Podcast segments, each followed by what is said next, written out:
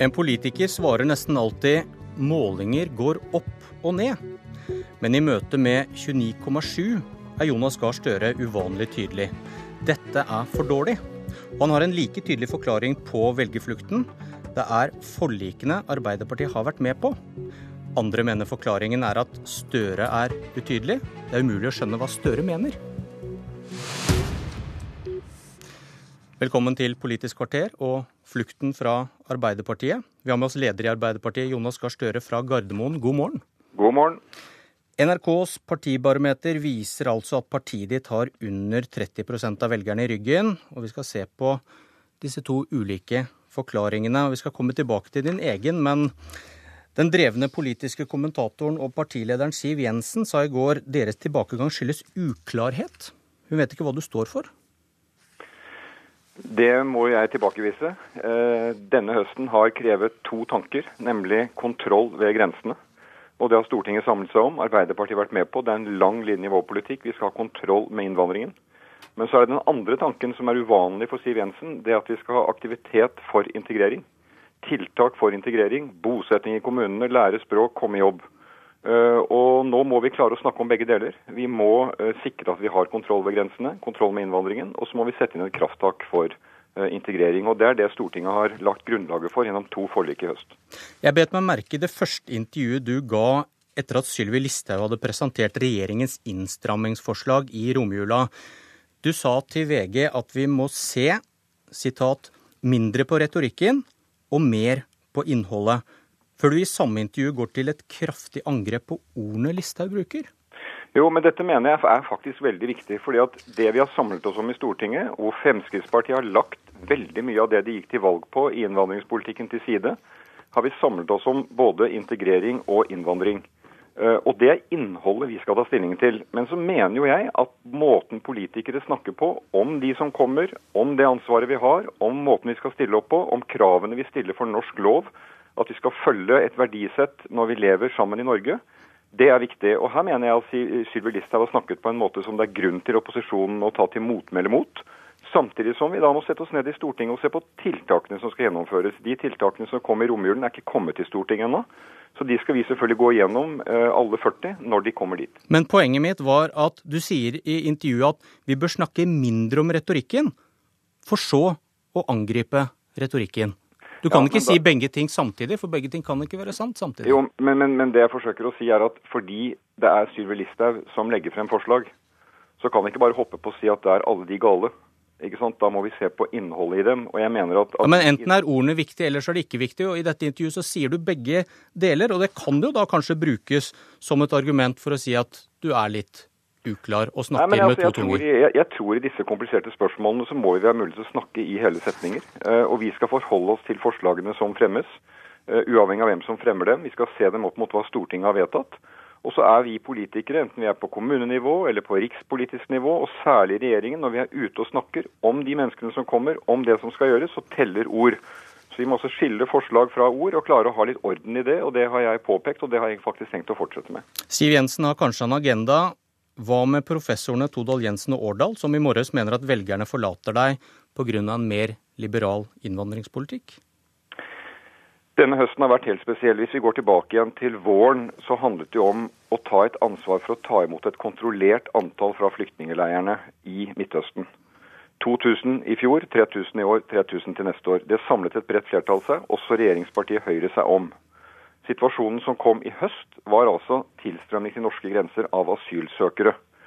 Eh, og jeg mener det var riktig av Norge å ta det ansvaret i vår, et kontrollert ansvar i samarbeid med FN. Og så når vi får denne kraftige tilstrømningen, så må vi klare altså to ting. Vi må sikre kontroll ved grensene. Det var det ikke i Norge i september, oktober, november. Det kom etter hvert fordi vi stilte opp sammen. Og jeg er første til å vedgå, jeg har jo sett målingene fra oktober og utover at når vi bruker så mye energi for å bidra til forlik, bruker timer med å sitte og bli enige i alle partiene på Stortinget, nesten alle, vel, da blir det mindre tid til uh, opposisjonspolitikk. Men, dette, dette, er din forklaring. Det jeg spurte om, var forklaringen til Todal Jensen og Årdal, som har litt greie på velgervandringene.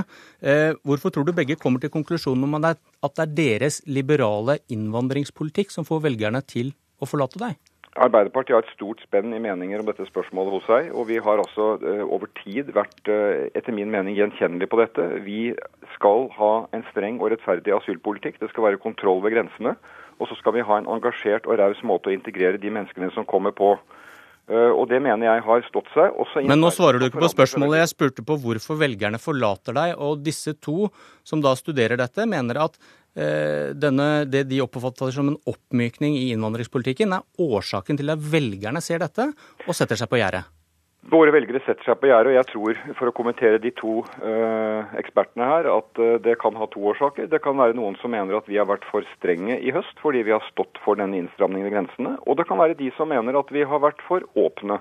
Det er eh, noe som vi kjenner igjen i Arbeiderpartiet. Men, men, det de skal kjenne igjen begge to, det er at når en sånn ekstraordinær situasjon inntreffer, så tar Arbeiderpartiet ansvar. Vi samler oss sammen med de andre partiene på Stortinget, bruker energi på det. Om det betyr at vi da går ned noen prosent på målingene, det mener vi får stå i, fordi at det handlet om noe som var overordnet for oss, nemlig å ta det ansvaret. Alternativet, å kjøre en blank opposisjonspolitikk på dette, skape konflikter, det tror jeg velgerne ikke ville kjent igjen. Men så skal jeg også vedgå at dette har brukt mye energi på denne saken som har dominert nyhetsbildet. Og de sakene som vi har arbeidet med over lengre tid, kampen mot ledigheten, økte forskjeller, en dårlig politikk fra regjeringen, en usosial skattepolitikk, den er kommet i skyggen, og jeg skal sørge for at den kommer eh, til de grader på dagsorden. For det er jo også helt avgjørende for at Norge skal lykkes fremover. Men det må vel bli et dilemma fremover, da? Det er behov for brede forlik om skatt, om kommunestruktur, vil mange si. Og dere erfarer nå at dere taper velgere på brede forlik. Hva gjør dere da? Vi skal ta ansvar. Eh, i store spørsmål for landet. Da jeg ble leder i Arbeiderpartiet, sa jeg at der hvor vi finner eh, grunn til å være enig med regjeringen, så skal vi finne løsninger. Men jeg kan love deg at det er på de områdene du også der nevner, og på en lang rekke områder, så er det grunn til og stor motivasjon for å drive opposisjon mot regjeringen. Men Arbeiderpartiet er gjenkjennelig på spørsmål som skatt, eh, på andre store spørsmål for Norge, at vi søker brede løsninger. Men høsten har vært spesiell. Jeg vil jo minne om at vi gjorde vårt beste kommunevalg midt i september på over 20 år. Eh, vi, det var målet vi satt for 2015, men siden oktober så har denne saken dominert på en måte, og energien er brukt på en måte hvor dette har skjedd. Jeg vil jo også si at uh, den nedgangen som denne målingen viser, den tar jeg på største alvor. Det er på ingen måte godt nok for oss. Vi skal tilbake. Jeg tror samtidig at de som tror at 40% er et slags nytt gulv for Arbeiderpartiet, Sånn er det ikke. Men vi skal eh, komme oss oppover på 30-tallet, og vi skal være med å lage et nytt flertall for en ny politikk for Norge. Du gjentok det nå. En sentral kritikk som eh, du kommer med mot regjeringens kamp mot ledighet, er eh, skatteletten til de rikeste. Det var vel med på å løfte dere over 40% etter forslaget til statsbudsjett for litt over et år siden. Men nå er dere enige om at selskapsskatten må ned, og formuesskatten var ikke lenger så høyt prioritert i budsjettet for i år. og Har du ikke da mistet ditt viktigste argument mot regjeringen, nå som du skal vinne velgere tilbake? De store kuttene denne regjeringen har gjort på skatt til de aller rikeste, de blir jo gjentatt hvert år. Så den, grunn, den kritikken er meget eh, rimelig å komme med. Men da må du gå til valg på å øke skattene? Og det vil du ikke si ennå? Vi skal avklare vårt skattenivå. De har redusert skattene, redusert fellesskapets muligheter til å virkelig satse. Dette er hovedsatsingen mot ledigheten. Men da må du vel også si at dere må gå til valg på å øke skattene, hvis disse skattelettene var så gærne? Det skal du få et godt svar på, eh, Bjørn Myklebust. Når vi ser på de oppgavene fellesskapet skal løse sammen. De har krympet fellesskapet, svekket mulighetene. Og når statsministeren nå er bekymret for at økt ulighet hemmer muligheten til omstilling, så ser jo også hun at dette er en stor utfordring. Og den hjelper ikke for henne å si det, hun må gjøre noe med det. Det at vi gjør noe med selskapsskatten, det er noe Arbeiderpartiet tok initiativ til da vi satt i regjering, for å gjøre bedriftene våre konkurransedyktige til å skape nye jobber. Denne regjeringen har jo prioritert helt andre kutt, som deres egne utredninger viser ikke gir resultater. Og de kuttene blir jo gjentatt år for år for år, og setter Norge dårligere i stand til å møte den situasjonen med økende ledighet okay. og økende forskjeller. Da får vi vente på det gode svaret på om dere går til valg i 2017 på å øke skattene. Takk, Jonas Gahr Støre, samfunnsredaktør i Dagsavisen. Irene Halvorsen, velkommen. Takk. Det er ikke bare Arbeiderpartiet som dukker under 30. Det gjorde oljeprisen også i går kveld. Hvordan kan det hjelpe Jonas Gahr Støre? Nei, Det triste for Jonas Gahr Støre er jo litt som vi sa på gangen her, at oljeprisen er nå så lav at det går ikke an å skylde på regjeringen for det. Men, eh, men, det er klart at en så lav oljepris gjør handlingsrommet for denne regjeringen veldig mye mindre i de kommende budsjettene. Og det er også riktig som Støre sier, at eh, det gjør eh, at de tidligere skattekuttene denne regjeringen har gjennomført, har minsket rommet for å skape eh, ny politikk eller legge fram nye reformer som koster penger. Eh, og Sånn sett så kan man nok også se Erna Solbergs tale til Høyre på Sundvolden forrige helg, når hun snakket om faren for økte forskjeller, at det kan være et lite forvarsel der om at det ikke kommer så mye mer av eh, skattepakker for de rikeste fra denne regjeringen. Lars Nehru Sand, politisk kommentator i NRK. Støres egen forklaring om at det er brede forlik som har fått velgerne deres opp på gjerdet. Eh, vil et Arbeiderparti på 29% oppføre seg annerledes enn et Arbeiderparti på 39 ikke ved inngangen til skatteforlik og andre ting. Jeg tror et Arbeiderparti som tenker mer på seg selv enn landet, vil oppleve at eh, en sånn strategi ville slått tilbake på dem selv. Eh, men nå skjer jo dette på et tidspunkt før Arbeiderpartiet starter sin store turné og arbeider med nytt partiprogram. Eh, det skjer i relativt god tid før landsmøtet neste år. Og det gjør at vi vil se et Arbeiderparti som vil reise rundt, vil komme med klarere svar i tiden som kommer men også et Arbeiderparti på 29% som jo trenger et eh, stortingsflertall, og ikke må provosere de partiene som eh, det er naturlig å tenke seg skal bidra til å, å, å skape det flertallet. Og så tror jeg vi vil se et Arbeiderparti som er mye tydeligere på hvilke saker de har sakseierskap til. Da Støre stilte det første spørretimespørsmålet i 2016 til Erna Solberg i går, så handla det om sosial ulikhet og ikke om integrering. Mens nestleder Trond Giske jo gikk i klinsj med statsministeren nettopp på flyktningepolitikken.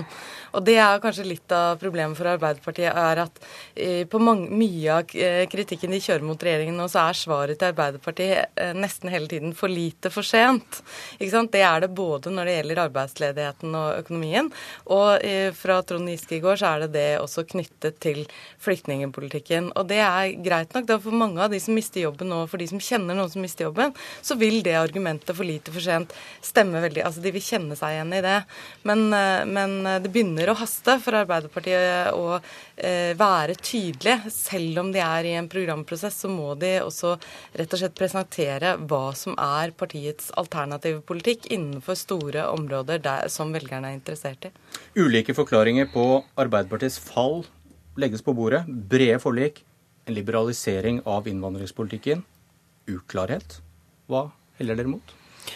Nei, Jeg mener at de foreliggende bidrar til den uklarheten, men jeg tror først og fremst handler om at Arbeiderpartiet ikke har fått snakket om, eh, om de sakene hvor Arbeiderpartiet har, eier eh, mye av, av velgermassens oppfatning om at Arbeiderpartiet har den beste politikken. Eh, og Det gjør at, eh, at, Arbeiderpartiet da må betale for det ved at velgerne setter seg på gjerdet. De går ikke til noen av konkurrentene. Eh, men det er klart det er en kombinasjon av de faktorene du, du nevner. Ja, det er enig. Det er en kombinasjon. Men i tillegg så er det sånn at for Arbeiderpartiet så er det kjempeviktig nå at, at eh, velgerne ikke går videre. Ikke det er et uttrykk for misnøye at de flytter seg til sofaen eller på gjerdet. Eh, hvis Arbeiderpartiet da leverer, så har de stor sjanse til å hente tilbake disse velgerne. Men da må de faktisk levere sånn at disse velgerne ikke går til andre partier, for da blir de vanskeligere å få igjen. Sand, du skriver på ytring at Erna Solberg og Støre har noe til felles. Veien til flertall i 2017 blir krevende. Ja, det gjør det jo. fordi Erna Solberg kan ikke ta for gitt at, eh, at eh, KrF og Venstre vil støtte en, eh, en, regjering som i dag hvor Fremskrittspartiet er med. Hun går ikke til valg sånn som Stoltenberg gjorde i 2009, med et veldig avklart flertallslag bak seg.